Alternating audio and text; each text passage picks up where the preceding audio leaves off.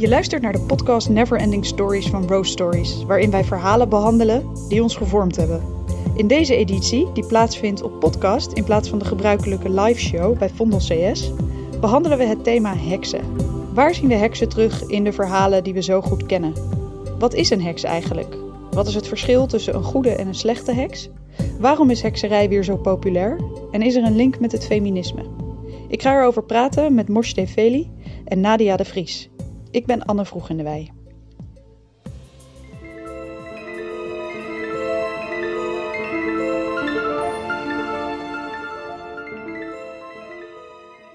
Nadia, ik ga jou eerst even uh, uh, introduceren. Uh, jij bent dichter en wetenschapper. En je hebt een bijzondere interesse in bijgelovigheid, astrologie en tarot. zou je daar wat meer over kunnen vertellen en dat toe kunnen lichten?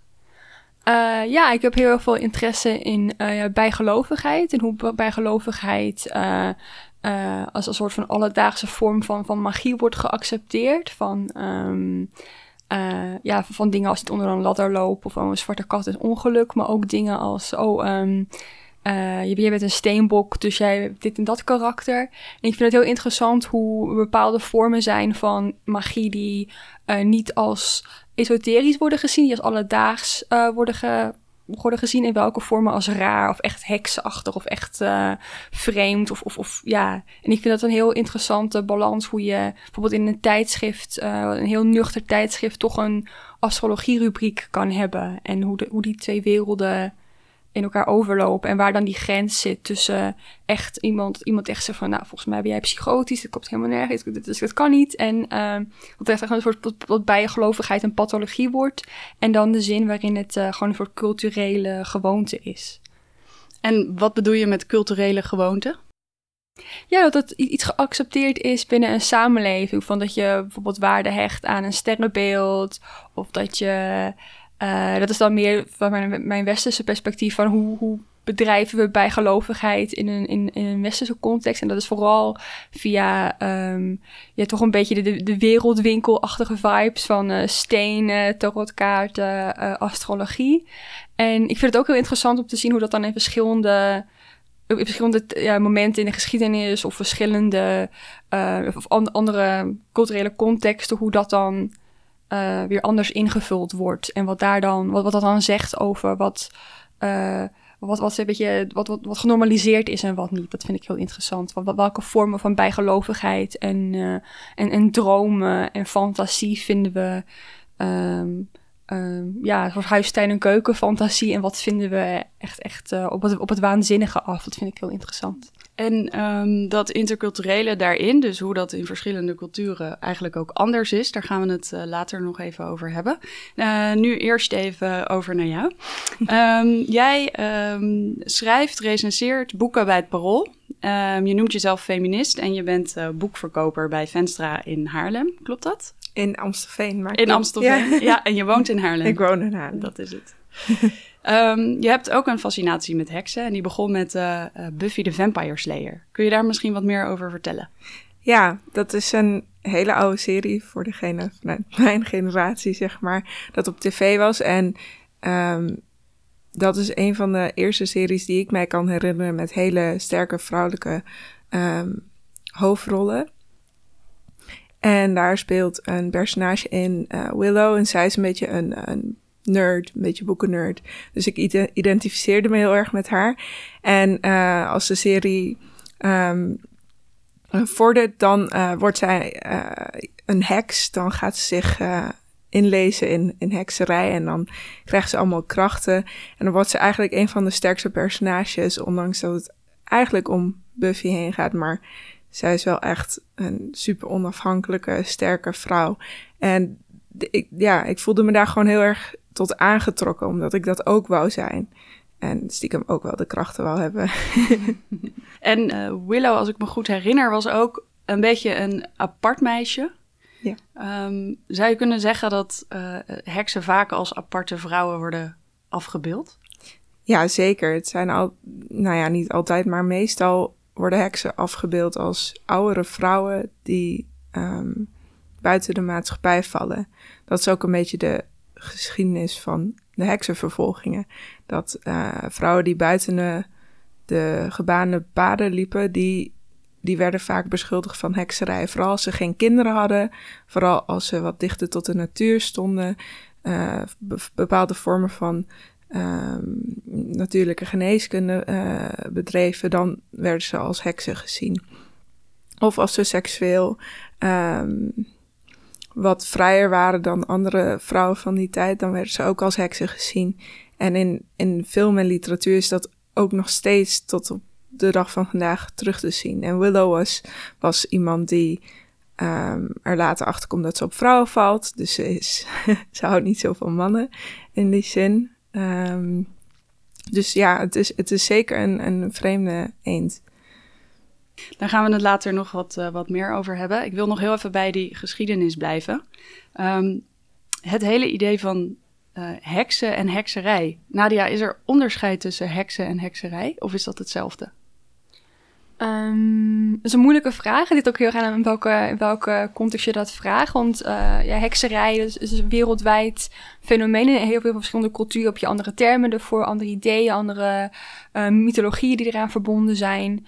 Um, hekserij, dat is wel meer breed, meer een idee van um, natuurlijk het, het beoefenen van uh, vormen van magie. En magie in de breedste zin, dus ook een soort van verbindenis met de natuur. Dat is eigenlijk wat hekserij om gaat, van de elementen en hoe je als, als mens, als individu met de natuur um, uh, in verbinding staat. En hoe dat elkaar kan beïnvloeden en hoe je daar ook macht op kan uitoefenen of, of niet. En, en waar je dan aan uh, overgeleverd bent aan niet. Dat is heel erg een idee wat achter hekserij zit. Uh, maar ook een heks is dan natuurlijk iemand die dat beoefent. Dus misschien dat dan een soort specificatie is. Maar de hoedanigheid van, die, van de heks of, of, of uh, weet je, de bijklank van het woord heks, het verschilt wel heel erg per, uh, per taal en per cultuur. Ja, want als ik terugga in de geschiedenis, dan is de eerste heks waar ik ooit van hoorde, of het beeld van een heks dat ik ooit had, was een vrouw die levend werd verbrand op een brandstapel ergens in de middeleeuwen. Op een, een of andere manier is dat het eerste beeld wat ik van heksen had. Um, terwijl ik er niet heel veel van wist. En ik denk dat het verhaal waardoor ik dat leerde was het verhaal van Jeanne d'Arc. En um, ik vind het interessant om even terug te gaan naar die tijd en uh, wat toen een heks betekende. Waarom zij, volgens mij was zij een, uh, een, een strijder en vocht zij voor Frankrijk, voor de onafhankelijkheid van Frankrijk. Um, waarom is zij uiteindelijk als, als heks verbrand? En ook uh, wat betekende heks zijn in die tijd, Nadia? Uh, nou, heks in die tijd, um, toch, ik, ik, uh, mijn kennis van uh, hekserij en van de geschiedenis van hekserij is misschien wel even handig om erbij te vermelden. Dat komt voornamelijk uit het boek Caliban and the Witch van Sylvia Federici. En het gaat heel erg over hoe de heksenvervolging, wat voor rol dat heeft gespeeld in de vorming van het hedendaagse kapitalisme. En er is eigenlijk een soort van marxistische kritiek op de geschiedenis van de heks. Dat is een deel of onderdeel van het boek en daar komt mijn kennis uh, vandaan. En wat Federici uh, aantoont is dat um, de heksenvervolging, dat dat een reactie was op een soort middel tegen um, uh, vrouwen, maar eigenlijk heel veel groepen mensen die uh, qua wetenschap of qua um, gemeenschap of politiek een eigen soort enclave vormt of een eigen plan trokken. En wat niet in dienst stond van het grotere plan van um, um, ja, de mensen die toen macht hadden. En dat in een heel handige manier, ook in die tijd, ook heel godsvrezende tijd uh, in Europa. Um, dat, het, uh, dat, je iemand dan als een soort van afvallige van God neerzet, of als een heks, of als een demonisch iemand. Dat was een heel, uh, ja, ook hoe je iemand demoniseert, letterlijk. Um, dus, en ook hoe je die mensen buiten hun macht zetten. Van, oh, het is een heks. Op die manier nam je dan de macht weg van die persoon. En uh, dat is ook een, hoe de, de heksenjacht toen is gebruikt van. Om mensen die gemarginaliseerd waren, om die al hun krachten af te nemen. En dus inderdaad ook uiteindelijk ook te vermoorden door, door de brandstapel. En is dat in alle culturen in de geschiedenis hetzelfde? Of kennen we de heks op in verschillende gedaantes in de geschiedenis op verschillende plekken? Nou, ik heb hier een beetje over nagedacht en ik heb ook even mijn moeder gebeld. um, of zij nog verhalen wist over um, heksen in Iran. Daar kom ik vandaan. En um, eigenlijk, eerst moest ik aan haar uitleggen wat, wat een heks was. En ze zei, oh, je bedoelt een, een vrouwelijke uh, magician, zeg maar. Dus voor zover wij beiden wisten, was er geen eens een, een uh, woord voor. Voor specifiek, zeg maar, een vrouwelijke vorm ervan. Dus dan zet je vrouw ervoor. Dat vond ik best wel interessant. En, ehm, en voor de rest kwam het beeld wat zij uh, schetste van de verhalen die zij vroeger heeft gehoord en de verhalen die ik ook vroeger heb gehoord, uh, kwam dat vrijwel overeen met het westerse beeld van een oude vrouw die kinderen haat en ze opeet of vermoordt op de een of andere manier. Um, eigenlijk gewoon een slecht wezen. Dus um, dat is de, de Iraanse uh, idee, of tenminste dat, dat wij er beide van uh, hebben.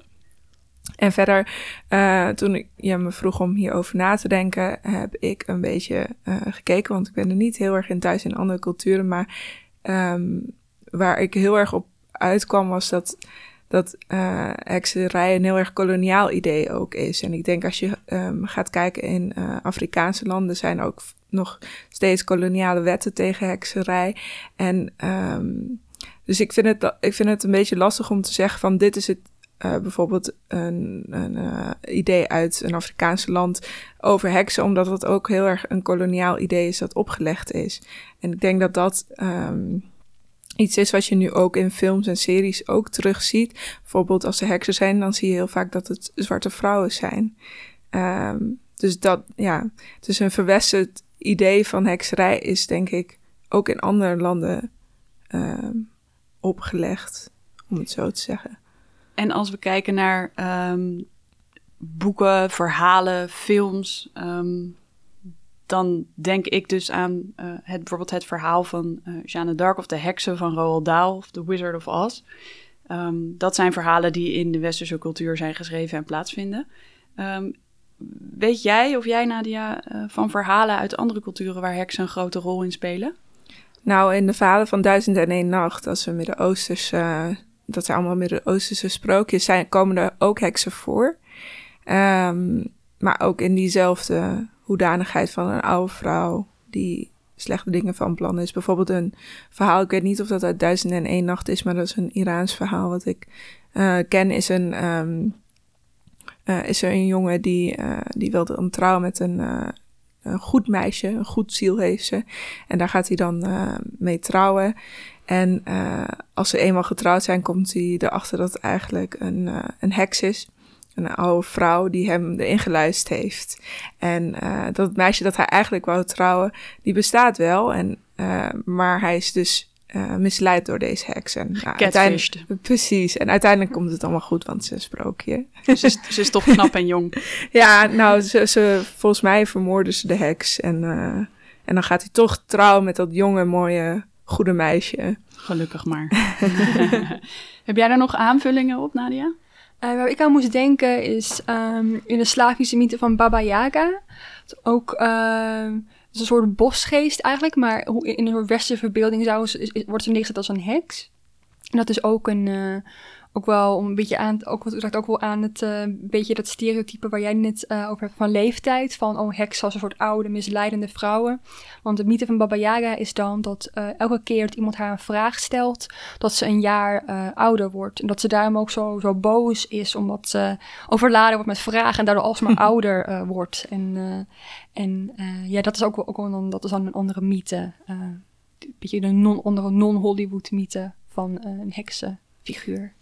Ik uh, moet ook gelijk denken aan, uh, aan bijvoorbeeld um, mensen in, in, in films en, en series die um, beetje zo de, de Oost-Europese uh, troop van een zigeuner, of dat woord is volgens mij niet wat je mag, mag gebruiken, maar uh, zo'n uh, waarzegster die dan een beetje geseksualiseerd is, of Midden-Oosters is en ook een beetje dat Orientalist idee van een heks, dat is ook nog zo'n stereotype wat je heel vaak ziet. Ja. Dus dat is dan weer niet de oude vrouw, maar de over geseksualiseerde uh, Oosterse of Oost-Europese vrouw.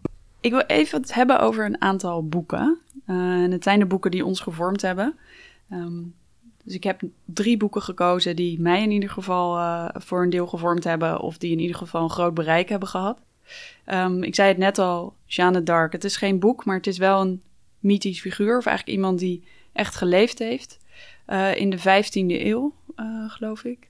En um, zij was 19 toen ze op de brandstapel belandde. En uh, daarvoor was het een boerenmeisje die ten trijde trok tegen de, tegen de Engelsen, geloof ik, hè? Of, of, of tegen in de burgeroorlog in Frankrijk in elk Mhm. geval.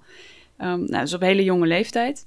Ehm, uiteindelijk is zij dus eh, twee jaar later op haar negentiende eh, eh, ter dood veroordeeld en, en levend verbrand op het dorpsplein. Ehm, en een onderdeel daarvan is dat zij ehm, eh, naakt werd verbrand om te bewijzen dat het echt een vrouw was. Ehm, zij kleden zich namelijk vaak in jongenskleren en ze wordt ook de eeuwige maagd genoemd. Ehm, zijn, dat, eh, zijn dat dingen die, die gekoppeld worden aan het hek zijn? Het, het maagd zijn, het, het je als jongen kleden, je als jongen gedragen? Ik, ik zou zeggen van niet. Daar is er wel denk ik een, een uitzondering in. Omdat het beeld toch van de oudere kinderloze vrouw echt veel sterker is. Ik denk dat het bij haar vooral erom ging dat ze, nou ja, te veel macht kreeg in die zin. En, eh, en dat ze iets deed wat ook inderdaad buiten de, de pad was. Want als een man kleden komt toen echt niet. Ehm, Was dat een bedreiging voor de misschien mannelijke orde? Of ga ik dan te, ik denk dan ik een wel. aanname? Ja, ik vind het moeilijk, omdat het ook al een kwestie van historiseren van dus honderden jaren geleden. En natuurlijk zijn andere eh, normen van, van gender dan we vandaag eh, kennen. Maar wat ik wel eh, denk wel interessant is of belangrijk is aan de tijd waarin ehm, ehm, van, van Jeanne d'Arc, dat dan eh, de, de heksenvervolging echt, dat was, dat ging echt, was echt toen gaande. En toen was heel gelovige, religieuze, christelijke tijd. En als, wat ik ook eerder zei, van als je iemand eh, uit een machtspositie wilde halen, dan haalde hij daar een soort van eh, zwarte magie, ehm eh soort duivelskindachtige discours haalde je daar dan bij. Dat was een heel effectieve manier om iemand uit een, eh, uit, uit een machtspositie te halen. Dus ik denk dat dat daarom een heel, heel gunstig was. En, eh, en het, het interessante is, Jeanne d'Arc is vermoord al- al- alsof ze een heks was, maar haar, haar misdaad was eigenlijk dat ze de stemmen van de heilige hoorde. En waarom zouden de heiligen een, een, een, een duivelskind aanspreken? Dus dat is ook in de geschiedenis een beetje van, ja, eigenlijk dat, dat, dat idee van de heks en, en de behandeling van Jeanne d'Arc en wat zij eigenlijk wat zij beweerde, dat, dat, dat klopt niet met elkaar. Dus het, wat, wat wel gezegd wordt over haar is dat het echt was, het was gewoon een makkelijke manier om haar uit te schakelen. Het was een middel, ja, noem een label heks. om haar te kunnen, uit de weg te kunnen ruimen, als het ware. Ja. toch een beetje politiek. Alles is politiek. Alles is politiek. Ehm, Jeanne d'Arc dus. eh, ik, ik, voor- ik kende haar verhaal niet heel, heel goed. En nogmaals, er is geen boek over. Maar op de een of andere manier was ik al best wel jong toen ik dat verhaal voor het eerst hoorde. En het sprak enorm tot mijn verbeelding. Ik vond het echt ontzettend eng. En het idee dat dat gebeurd is, vond ik... was echt een soort van inbreuk op mijn veilige wereld... waarin ik dacht dat, ik, dat, dat iedereen goed was. Ehm, heeft dat voor jullie ook... Kunnen jullie dat, jullie je dat ook herinneren? Dat dat als jong meisje al een, een verhaal was? Of Ik denk dat ik bevooroordeeld was omdat mijn eerste aanraking met Willow was en dat was heel anders. dat was jouw eerste heks? Ja, en, en, en voor mij was dat een ehm, ja, onrechtvaardigheid meer dan dat ik er bang voor was. Maar ik denk dat het zeker, eh, al die verhalen over de heksenvervolging, zeker een soort van waarschuwing naar de vrouw was. Van als je niet eh, doet wat van je verwacht wordt, dan is dit hoe je kunt eindigen. Vooral in die tijd, denk ik. Maar ja, ik ben geen historicus, maar dat lijkt me wel, net zoals sprookjes, ook altijd een soort van waarschuwend element hebben. Zoals rood kapje. Als je alleen door het bos wandelt, word je opgegeten. Ja, zeker eh, een, waarschuwend element die best wel eng kan zijn. Ja, ik weet nog dat ik dacht, die vrouwen, want nadat ik dat verhaal had gehoord, ging ik me daar natuurlijk in verdiepen en vragen over stellen. En ik weet nog dat ik dacht, die vrouwen moeten wel echt iets heel ergs gedaan hebben en het verdiend hebben. En dat wilde ik natuurlijk ook. En hoe meer ik leerde dat dat vaak niet het geval was, ehm, hoe verschrikkelijker het werd. Ik was een stuk ouder voordat ik met deze, dit, verhaal in aanraking kwam. Mijn eerste heks was, eh, waar we het ook zo meteen over gaan hebben, was The Wizard of Oz, van de filmverbeelding. en ik kan me nog heel erg herinneren aan een van die eerste scènes, dat eh, dan de, de, de kwaadaardige heks ook met al die apen op die bezemstenen, dat ik het heel eng vond. Dat het echt... eh, ja, ja, De bezemsteel en de kat en de... Ja, en maar gewoon hoe dat, hoe dat weergegeven werd. En, en, en, en ook met die muziek erbij. En dat, dat ik dat echt... eh dat is dan een film, geen boek. Maar eh, ja, dat vond ik... eh maakte mij een grote indruk. En ik had toen wel het, idee van... Oh, een heks is iets angstaanjagends. Het is iets, iets slechts. Um, over The Wizard of Oz gesproken. Dat was inderdaad een boek dat in 1900 geschreven werd door L. Frank Baum. En sindsdien uh, is verfilmd, grote blockbusters, uh, uh, musical shows. Volgens mij op dit moment Wicked is ook een bewerking van The Wizard of Oz. Um, het, daarin, ook in The Wicked, staat de goede en de slechte heks centraal. En um, ik las gisteren een artikeltje in de uh, Atlantic, waarin dat ook werd, uh, werd genoemd, dat eigenlijk sinds The Wizard of Oz um, de goede heks uh, ten verscheen. En dat dat ook um, ja, de deur heeft opengezet voor andere goede heksen, zoals bijvoorbeeld jouw Willow. ja, dus, dus een goede en een slechte heks. Nadia, heb jij een idee van wat zo'n slechte heks dan is ten opzichte van een goede? Of waarom het nodig was om een goede heks naast de slechte heks te zetten? Wat is het verschil? Um, ik weet niet wat dat verschil is, moet ik zeggen. Uh, ik weet wel dat je in de traditionele in de hekserij heb je ideeën van witte magie en zwarte magie. En dan het idee van de magie die, die ingezet wordt om mensen te genezen en anderen te helpen. Wat dan de witte magie. En de magie die rust op wraak nemen, um, andere schade toebrengen, dat is dan de zwarte magie. En ik denk dat dat ook wel een beetje de, de Hollywood flavor is. Van ook, en ook wel het, christelijke element van het moraliseren. Van, uh, om een soort, goede, een soort goede vorm te vinden. Voor, ook voor het kwaad. En ook inderdaad ook een beetje, beetje, beetje, de, beetje, beetje de heks weer sexy maken. En dan niet sexy op een soort verleidelijke, uh, Lilith-achtige manier. Maar echt op een manier van, oh ja, dit is een, een aantrekkelijk iets. Van het is leuk om een... Je kan een sterke vrouw zijn en nog steeds goede daden verrichten. En een sympathiek persoon zijn.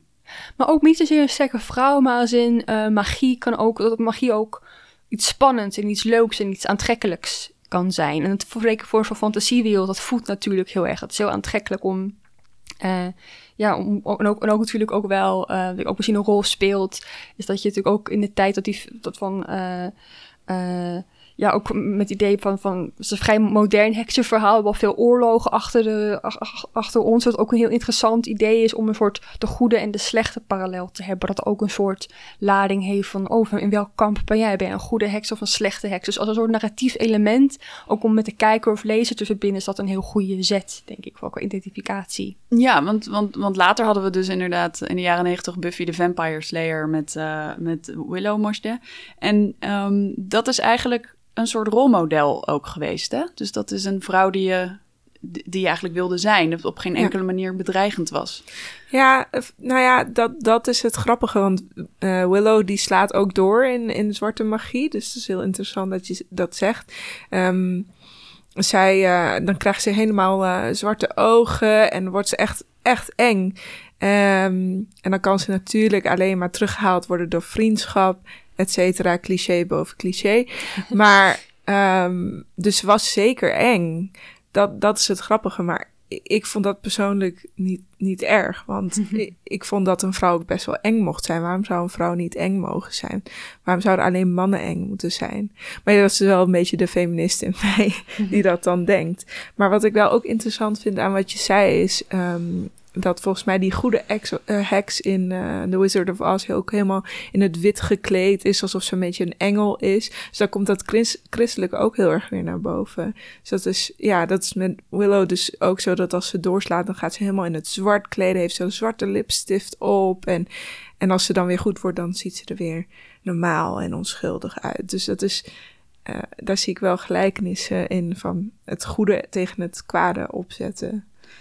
En wordt de, de, de slechte heks, zeg maar, wordt die geboren uit, uh, uit, uit woede, emotie, trauma? Is dat, zou je dat kunnen stellen? Dat, dat op het moment dat de vrouw haar woede laat zien, dat ze dan al snel de boze heks wordt? Ja, dat denk ik wel. Dat is wel wat in, in, uh, in Buffy gebeurt. Maar volgens mij ook in The Wizard of Oz is de slechte heks... Nou, als je het echt goed analyseert, volgens mij helemaal niet zo slecht. Maar wil ze gewoon haar eigen uh, ding doen en wil ze, uh, is ze boos omdat ze slecht behandeld wordt. Maar daarom is ze ook, omdat ze die boosheid laat zien, slechte, een slechte heks. En ze doet dan natuurlijk ook slechte dingen daardoor. Um, maar ik denk dat boosheid zeker een element is die, die de heks van gewoon goede heks naar slechte heks duwt. Maar ook bitterheid, denk ik. Ik denk dat Ja. ook een rol speelt in eh, de verbeelding als, van de heks eh, als een oudere iemand. Als een oudere vrouw. Een vrouw die lang geleefd heeft en die niet heeft gekregen wat ze wil. Of nou op seksueel vlak of eh, vriendschappelijk vlak of, of wat voor vlak dan ook.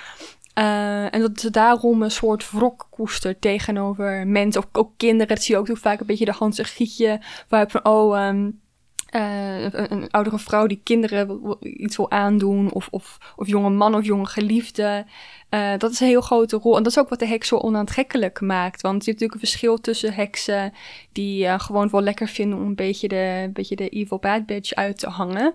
En, dat, en je hebt de, de, ja, de oudere vrouw die teniet gedaan is. Dat is natuurlijk een, een, beetje een slachtofferrol. En daarom, heb ik ook, daarom ook de heks ook een, een, als een onaantrekkelijk figuur wordt neergezet. Niet zozeer eh, fysiek, maar ook qua positie. Van, eh, oh, dit is een vrouw die niet heeft gekregen wat ze eigenlijk wilde. Omdat ze dat niet kon, omdat ze niet mooi of slim of, of sterk genoeg was.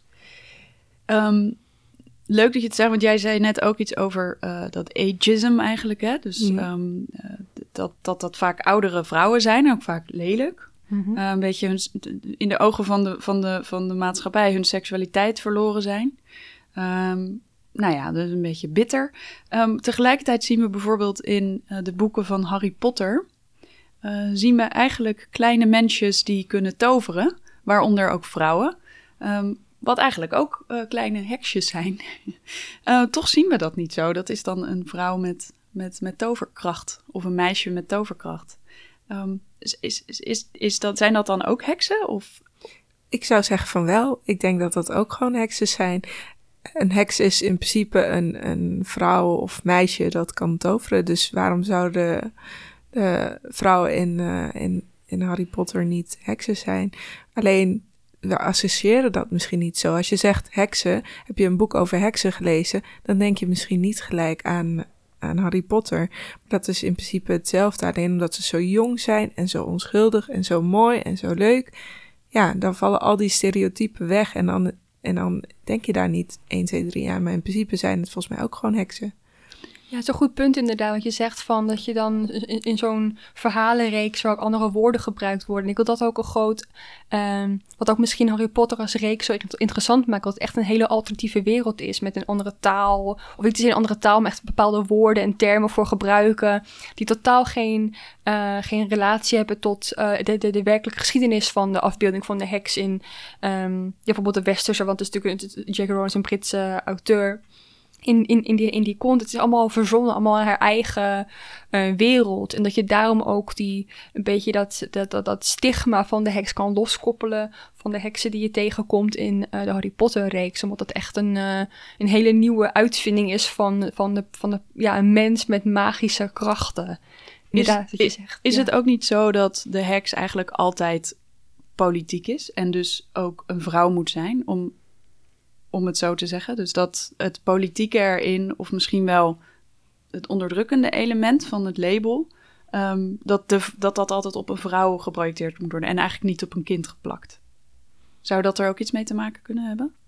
Ik Dat- denk dat J.K. Rowling heel slim dat heeft geprobeerd te ontwijken. Maar ehm, het is toch gegenderd. Want je gaat niet... Harry Potter zelf is dan weer een wizard, zou je zeggen. Dat is net zoiets als ik zeg dat, dat mijn moeder dan zegt... Oh, je bedoelt een vrouwelijke Wizard. wizard, precies. Dus dan, er is toch iets gegenderd aan het woord heks. Want ehm, voor zover ik weet werden er niet echt mannen op de brandstapel gegooid voor hekserij. En als ze dat wel deden, was het misschien omdat ze een vrouw hadden geholpen in een of andere manier. Dus ik denk, Ik ken Dat- ook geen slechte mannelijke tovenaars. Jullie wel? Een beetje op het randje misschien in Lord of the Rings, maar... Ja, ik denk, ik, ik, ik, ik ken er wel, ik, ik kan me nu geen namen voor de geest houden, maar ik heb wel veel, ja, gewoon de, de boze tovenaar. Dat, dat is wel een- ook een figuur natuurlijk in de, ik moet denk aan Gargamel denken, de Smurf is niet in de meeste literaire, Ja. maar dat is bijvoorbeeld, ik denk dat dat niet zozeer, ik denk niet zozeer met gender te maken heeft, maar wel ja, deels wel. Wat heeft met, dit met macht te maken? En natuurlijk heeft gender daar ook mee te maken. Want ja, er zijn bepaalde genders die meer macht hebben dan andere. Maar ook wat seksualiteit ehm, eh, en ook klasse. eh, ook, eh, ook afkomst, van hoe, waar, waar, waar kom jij vandaan? En inderdaad ook het exotiseren van, van mensen. Ehm, ik daarom ook, de heksenjacht is ook een heel breed begrip geworden. Eigenlijk is een soort, heksenjacht is een, ehm, eh, ja, iets wat je inzet om iemand die in de marge is geduwd te ontkrachten. Dat is ook een reden waarom bijvoorbeeld een aantal jaar geleden, toen met de MeToo-schandaal, dat we mensen zeiden van, oh, dit is een heksenjacht. Van, nee, het is geen heksenjacht, want dit zijn de mensen die in een machtpositie zijn, die echt de macht hebben op, alle, op al deze ehm, fysieke, socioculturele vlakken. Van, het zijn witte mannen, rijke mensen, die nu van hun voetstuk worden gehaald. En dat daarom was er ook zo'n eh, discussie ook vanuit de feministische hoek van... hé, hey, nee, dit is, historisch gezien is het heel raar om het een heksenjacht te noemen... omdat hier men, de echte de machtsmensen worden weggedreven. En niet de onderdrukte. Nee, precies. Dat is, dat is echt, echt voor de, de heksenjacht. Het is echt gewoon wie is in de marge... en hoe kun je die mensen in de marge zitten nog, nog dieper daarin duwen... en, en echt helemaal... ehm, Ja. ja. Maar wat ik wel interessant vind is dat eh, er is eh, onlangs een serie uitgekomen, The Witcher, en dat is wel een man. En dan is hij een witcher, niet een witch, maar een witcher. En ik vraag me af in hoeverre eh, de auteur heeft geprobeerd om, om dat woord soort van Hmm. om te een beetje te verdraaien, zodat alsnog wel een, een, een mannelijke heks dan kan zijn of zo. De, de, de vrouwelijke tegenspeler van The Witcher is wel een typische heks. Hè? Ook met de strijd die zij voert innerlijk tussen eh, het normale leven dat ze wil. Ze, volgens mij wil ze een kind. Ja. Ehm, en eh, dat ze dat op moet geven als ze deze, deze krachten wil hebben. Klopt. En ze wordt ook mooi gemaakt om een, Ja. zeg maar, ze, dat, dat is, eh, want eigenlijk is ze dus lelijk en ze heeft die krachten in haar zitten. En dan eh, gaat ze die krachten gebruiken om zichzelf mooi te maken. Maar dat is ze dus eigenlijk niet. En dat bevestigt weer die stereotype van lelijke heksen. Terwijl de, de Witcher is natuurlijk eh, super knap in die serie. En hij, Ja. hij, Hij is eigenlijk niet- een beetje saai. Ja, hij is wel een beetje saai. ja. Ehm, we hadden het net over feminisme. Ehm, ik merk dat ehm, eh, om mij heen eh, steeds meer vrouwen, feministen of, of geen feministen, maar ik, ik zie en ik lees en ik hoor steeds meer over vrouwen die zichzelf heks noemen of geïnteresseerd zijn in heksen of hekserij. En dan misschien niet in die eh, hele klassieke zin van het woord, maar eh, misschien de wat modernere varianten ervan. Ehm, zijn jullie dat zelf ook? Identificeren jullie je als heks of houden jullie je bezig met hekserij? Morste? Ik vind het wel heel leuk om te zeggen dat ik een heks ben, maar dat ben ik eigenlijk niet. Maar want ik, ik doe er verder echt helemaal niks mee. Maar ik vind het eh, wel een heel leuk sym- symbool. En het moet niet te luchtig gezegd worden, want er is een hele zware geschiedenis die daaraan eh, voorop gaat. Maar eh, ik denk wel dat, dat meer mensen dat, net zoals ik, een, een ehm, interessant symbool vinden omdat het toch iets tegen het eh, patriarchaat is, tegen de, mannelijke macht. En ehm, ik denk dat dat ook de reden is waarom heel veel ehm, feministen dat ook een eh, interessant symbool vinden. Er wordt ook bijvoorbeeld gezegd: wij zijn eh, kinderen van de heksen die jullie niet konden verbranden. Nou, dat is natuurlijk super interessant om te bedenken, maar dat, dat logischerwijs klopt dat niet. Want de mensen die niet verbrand zijn, die waren waarschijnlijk veel meer in de, in de paden die er voor hun uitgezet waren. Dus het is wel, Zo extreem om dat te zeggen. ja, precies. Dat kun je voor mijn gevoel niet zomaar zeggen. Want het, ja, daarmee bagatellis- bagatelliseer je de geschiedenis ook een beetje. Maar ik vind het wel. eh, Maak je het een beetje ongeloofwaardig mee misschien ook. ja, precies. En ik denk dat het gewoon.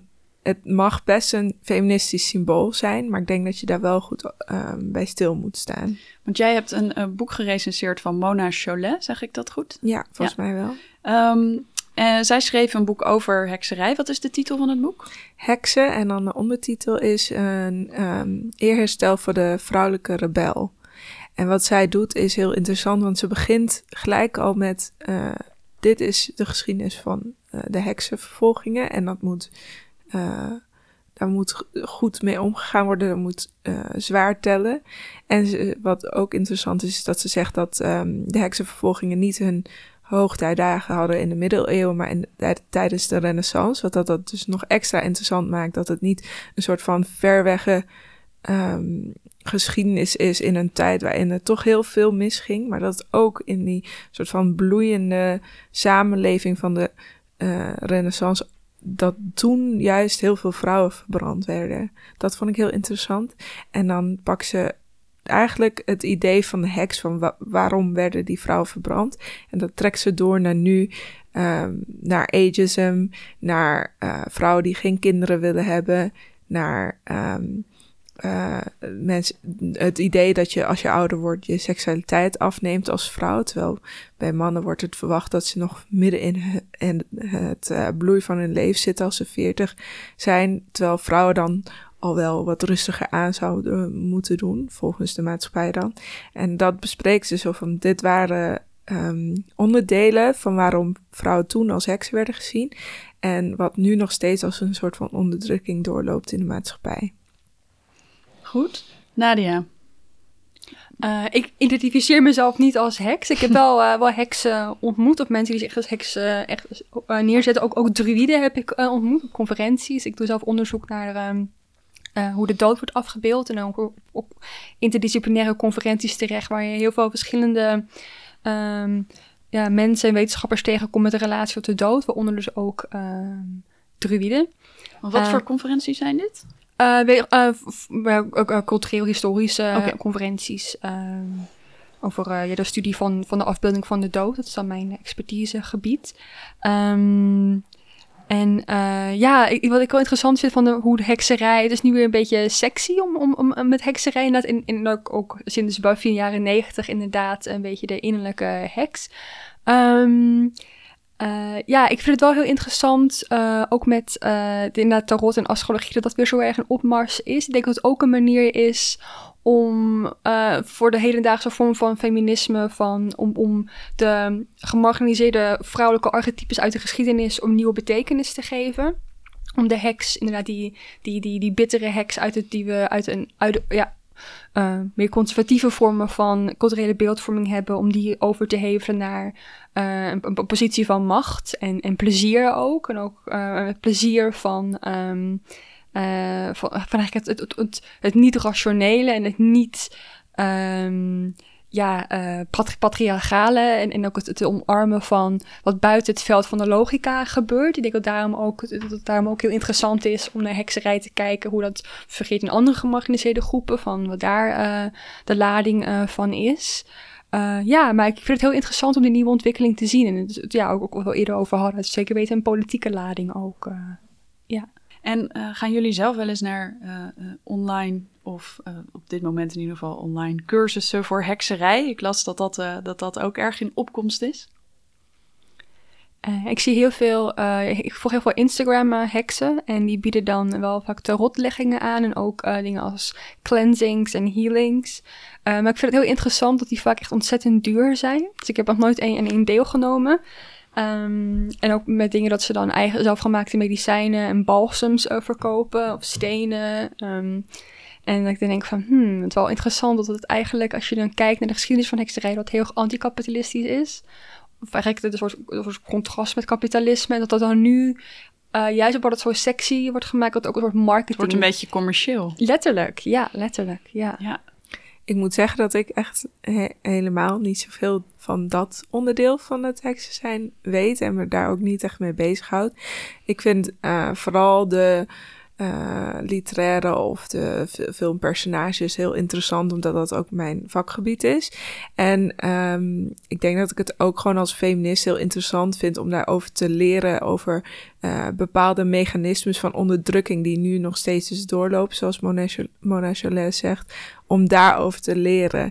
Uh, dus voor mij is heksen echt een manier om, om me met feminisme bezig te houden op een historische manier, op een kijken naar stereotypen, kijken naar onderdrukkingsmechanismes. Dus voor mij is het echt meer die kant dan de meer de esoterische, uh, esoterische kanten van. maar ik vind het inderdaad wel interessant om te horen dat dat een beetje ja, kapitalistisch of commercieel nu op gang is gekomen. Terwijl dat eigenlijk, ja, eigenlijk daarmee helemaal eh, haaks op staat, als je het mij vraagt. Zijn er eh, boeken die we nu niet besproken hebben of verhalen die voor jullie eh, eigenlijk niet gemist mogen worden als het gaat om heksen? Dus ook de serie Charmed. dat als je Buffy keek, keek je ook Charmed, Ja, volgens mij. En Dat ja, was een spin-off, toch? Of was dat gewoon tegelijkertijd? Nee, dat was gewoon echt helemaal los ervan, eh, inderdaad. En, Was eh, dat die serie met die drie zusjes? Ja, Mhm. precies. En één jongen? Eh, ja, dat is de, hun White Lighter. Heel interessant. Eh, die is daar om hun te beschermen. Dus ze hebben al wel, wel weer een man die hun beschermt. Dus dat is he- helaas niet goed eh, oud geworden, Kijk jij zeg maar. deze serie ook, Nadia? Nee, nee, Nee. ik heb geen tv. Kan nog, hè? Maar eh, er is dus een... eh, ze hebben een nieuwe versie ervan gemaakt. Een, eh, hoe noem je dat? Eh, ja, Een remake. Een remake, Ja. inderdaad. En het grappige daaraan is, ik, ik raad hem wel aan om te kijken als je ehm, niet hele hoge kwaliteit verwacht of zo. maar ehm, het is wel zeker vermakelijk. En ook wat heel interessant is, is dat de drie vrouwen, het speelt zich af in het heden, dus in 2019, 2020. Ehm, en die vrouwen zijn super feministisch en ze zijn ook niet eh, wit. Dus een beetje zo eh, obscuur wat precies hun eh, culturele achtergrond is. Maar het zijn in ieder geval geen witte vrouwen. Dat hebben ze volgens mij wel expres gedaan. Eh, eh, en, en er is dus weer een man die komt om hun te beschermen. En die wijst ze dan eerst af van... Nee, wij als feministen hebben helemaal geen man nodig om, eh, om ons te beschermen. En eh, ja, dus ze bespreken heel veel dingen zoals... ehm, racisme, discriminatie op basis van gender. ehm, dat soort Heel dingen. tijd. Ja, ze hebben het wel heel dik aan, eh, aangesmeerd over alle eh, onderdrukkingen. Maar ja, het is wel vermakelijk om Ja. te kijken. Leuk, ik wist niet dat het bestond. Ik keek Charmed vroeger ook. Je had natuurlijk ook The Craft. ja, Dat ja, was een film, toch? klopt. Ik heb dat volgens mij echt al acht keer gezien of zo. Oh ja? Recentelijk nog? Of, eh, Nee, ik, eh, ik had hem op DVD toen, er nog, toen we nog DVD's keken, zeg maar. En dan eh, stond hij bij mij op repeat. Maar dat zijn inderdaad vrouwen die, eh, die ook een beetje eh, wraak gaan nemen op, op de mannen in hun leven. Ja. Wel ook een aanrader als je niet van hele hoge kwaliteit. En een enorme hit, toch? Dat was best een blockbuster. Ja. Klopt. En Practical Magic, dat was Die ook eentje. Ja, dat zijn dan dus ook drie zussen. Ik weet niet, drie is wel een heel veel voorkomend getal volgens mij. Het zijn drie zussen die, die vervloekt zijn dat als ze verliefd worden, dan gaat die man dood. Dus ze speelt met die eh, stereotype van de alleenstaande vrouw. En ze zijn eh, heksen. En dan moet je maar even kijken Ja. hoe het Je moet altijd een prijs betalen. Dat is in ieder geval duidelijk. Ja. Je, kan niet, je kan niet zomaar schuldvrij een hek zijn. Heb jij nog verhalen of, of invloeden of, of boeken die we moeten bespreken? Of die voor jou belangrijk waren? Ehm, ik heb wel een boekentip wel. Ik niet zozeer echt een soort historische... Ja, natuurlijk uh, Caliban and the Witch van Sylvia Federici eh, kan ik aanraden. Het is wel een flinke pil. Maar eh, een boek wat ook interessant is, eh, misschien om te, om te bekijken als je echt van praktische vormen van hedendaagse magie wil kijken of, of rituelen, is een dichtbundel van de Amerikaanse dichter C.A. Conrad. Uh, uh, hen heeft een bundel geschreven, in 2014 uitgekomen, heet Eco-Deviant. En hen heeft daar een hele interessante aanpak voor genomen uh, door allerlei rituelen te bedenken. Um, hen komt zelf uit Philadelphia opgegroeid, een beetje in een soort ja, white trash uh, situatie. Dus een woord wat hen zelf gebruikt, niet wat ik iets opleg. Um, en, en hiervoor ging hen echt uh, dan naar snelwegen, naar parkeerplaatsen van Walmart, et cetera. En daar dan een soort van uh, herconnectie met de natuur. Bijvoorbeeld op, op, het gras gaan liggen langs de snelweg en dan alle de namen van alle vogels opzeggen die de afgelopen honderd jaar in dat gebied zijn uitgestorven. Die meer voorkomen. En dan daarna met die energie een gedicht te schrijven. Te schrijven. En is heel interessant, want je hebt dan dus en het ritueel, waarin hen dan het ritueel uitlegt. En dan daarna zie je het resulterende gedicht. Maar het zijn hele goede gedichten. En zo zie je, Carmen echt een geweldig dichter. En uh, ja, dus dat is echt, uh, kan ik echt aanraden. En wat is de titel nogmaals? Ecodeviant. Het is van de uitgeverij Wavebooks uit Seattle. En het komt uit 2014. C.A. Conrad. Nog niet vertaald in het Nederlands. Nee, nee. Maar ik denk niet ook dat dat gaat gebeuren. CIA komt wel regelmatig naar uh, Nederland toe. Uh, geeft vaak colleges of eens per jaar bij het Zandberg Instituut of bij de Rietveld. Dus het is wel, uh, ja, het wel, wel een soort band met Amsterdam in die zin. Ja. Super, dankjewel. Heb jij nog eh, een tip? Eh, ik, kreeg, ik heb dus een oproep op Twitter gedaan. Ehm, en ik kreeg heel veel tips. Wat voor oproep? Of, eh, of mensen boeken hadden gelezen met eh, heksen erin en wat ze ervan vonden. En ik kreeg heel veel kinderboeken. Dus ik heb een beetje een paar ehm, van de, de meer ehm, niet de kinderboeken heb ik eruit gehaald. Ik heb ze niet allemaal gelezen, maar Heksen van Mona Cholet raad ik van harte aan. Ehm, verder staat op mijn eigen lijstje van wat ik wil lezen The Familiars van Stacey Hals. Eh, Kissing the Witches van Emma Donoghue. Iemand zei dat dat ehm, eh, een soort van feministische heksenverhalen zijn. Dus dat interesseert me heel erg. Ehm, en Cersei van Madeline Miller. Ehm, daar ben ik ook nog niet in begonnen, maar dat lijkt me ook een hele interessante. Hoe heet dat boek, dat laatste? Cersei? Cersei van, Mm. van GOT? Eh, van Madeline Miller is het. Ja, van de Game of Thrones bedoel ik. Dat is Oh. natuurlijk die, die soort van slechte vrouwelijke personage is, ook een, is eigenlijk ook een soort van heks. Zij Ik heeft heb ook Game of Thrones niet gekeken. jongens. nou, daar is hier wel een mooie Maar is- tijd voor. Het zijn heel veel seizoenen. ja, het is een mythische figuur natuurlijk. Ja. Cersei. Dus ja, daar zijn vast meer boeken over te vinden. Ja. Maar deze is mij door feministen aangeraden, dus dan hoop ik. ja. Nou, dan, dan, dan ken ik haar alleen uit Game of Thrones. Dat zegt meer iets over mij dan over jullie. Ehm, maar ze heet natuurlijk niet voor niks zo en, en, Ja. en heeft eh, magische krachten. Oké, ehm, nou dank jullie wel voor het, voor het komen. Super interessant. Ja, En eh, tot ziens.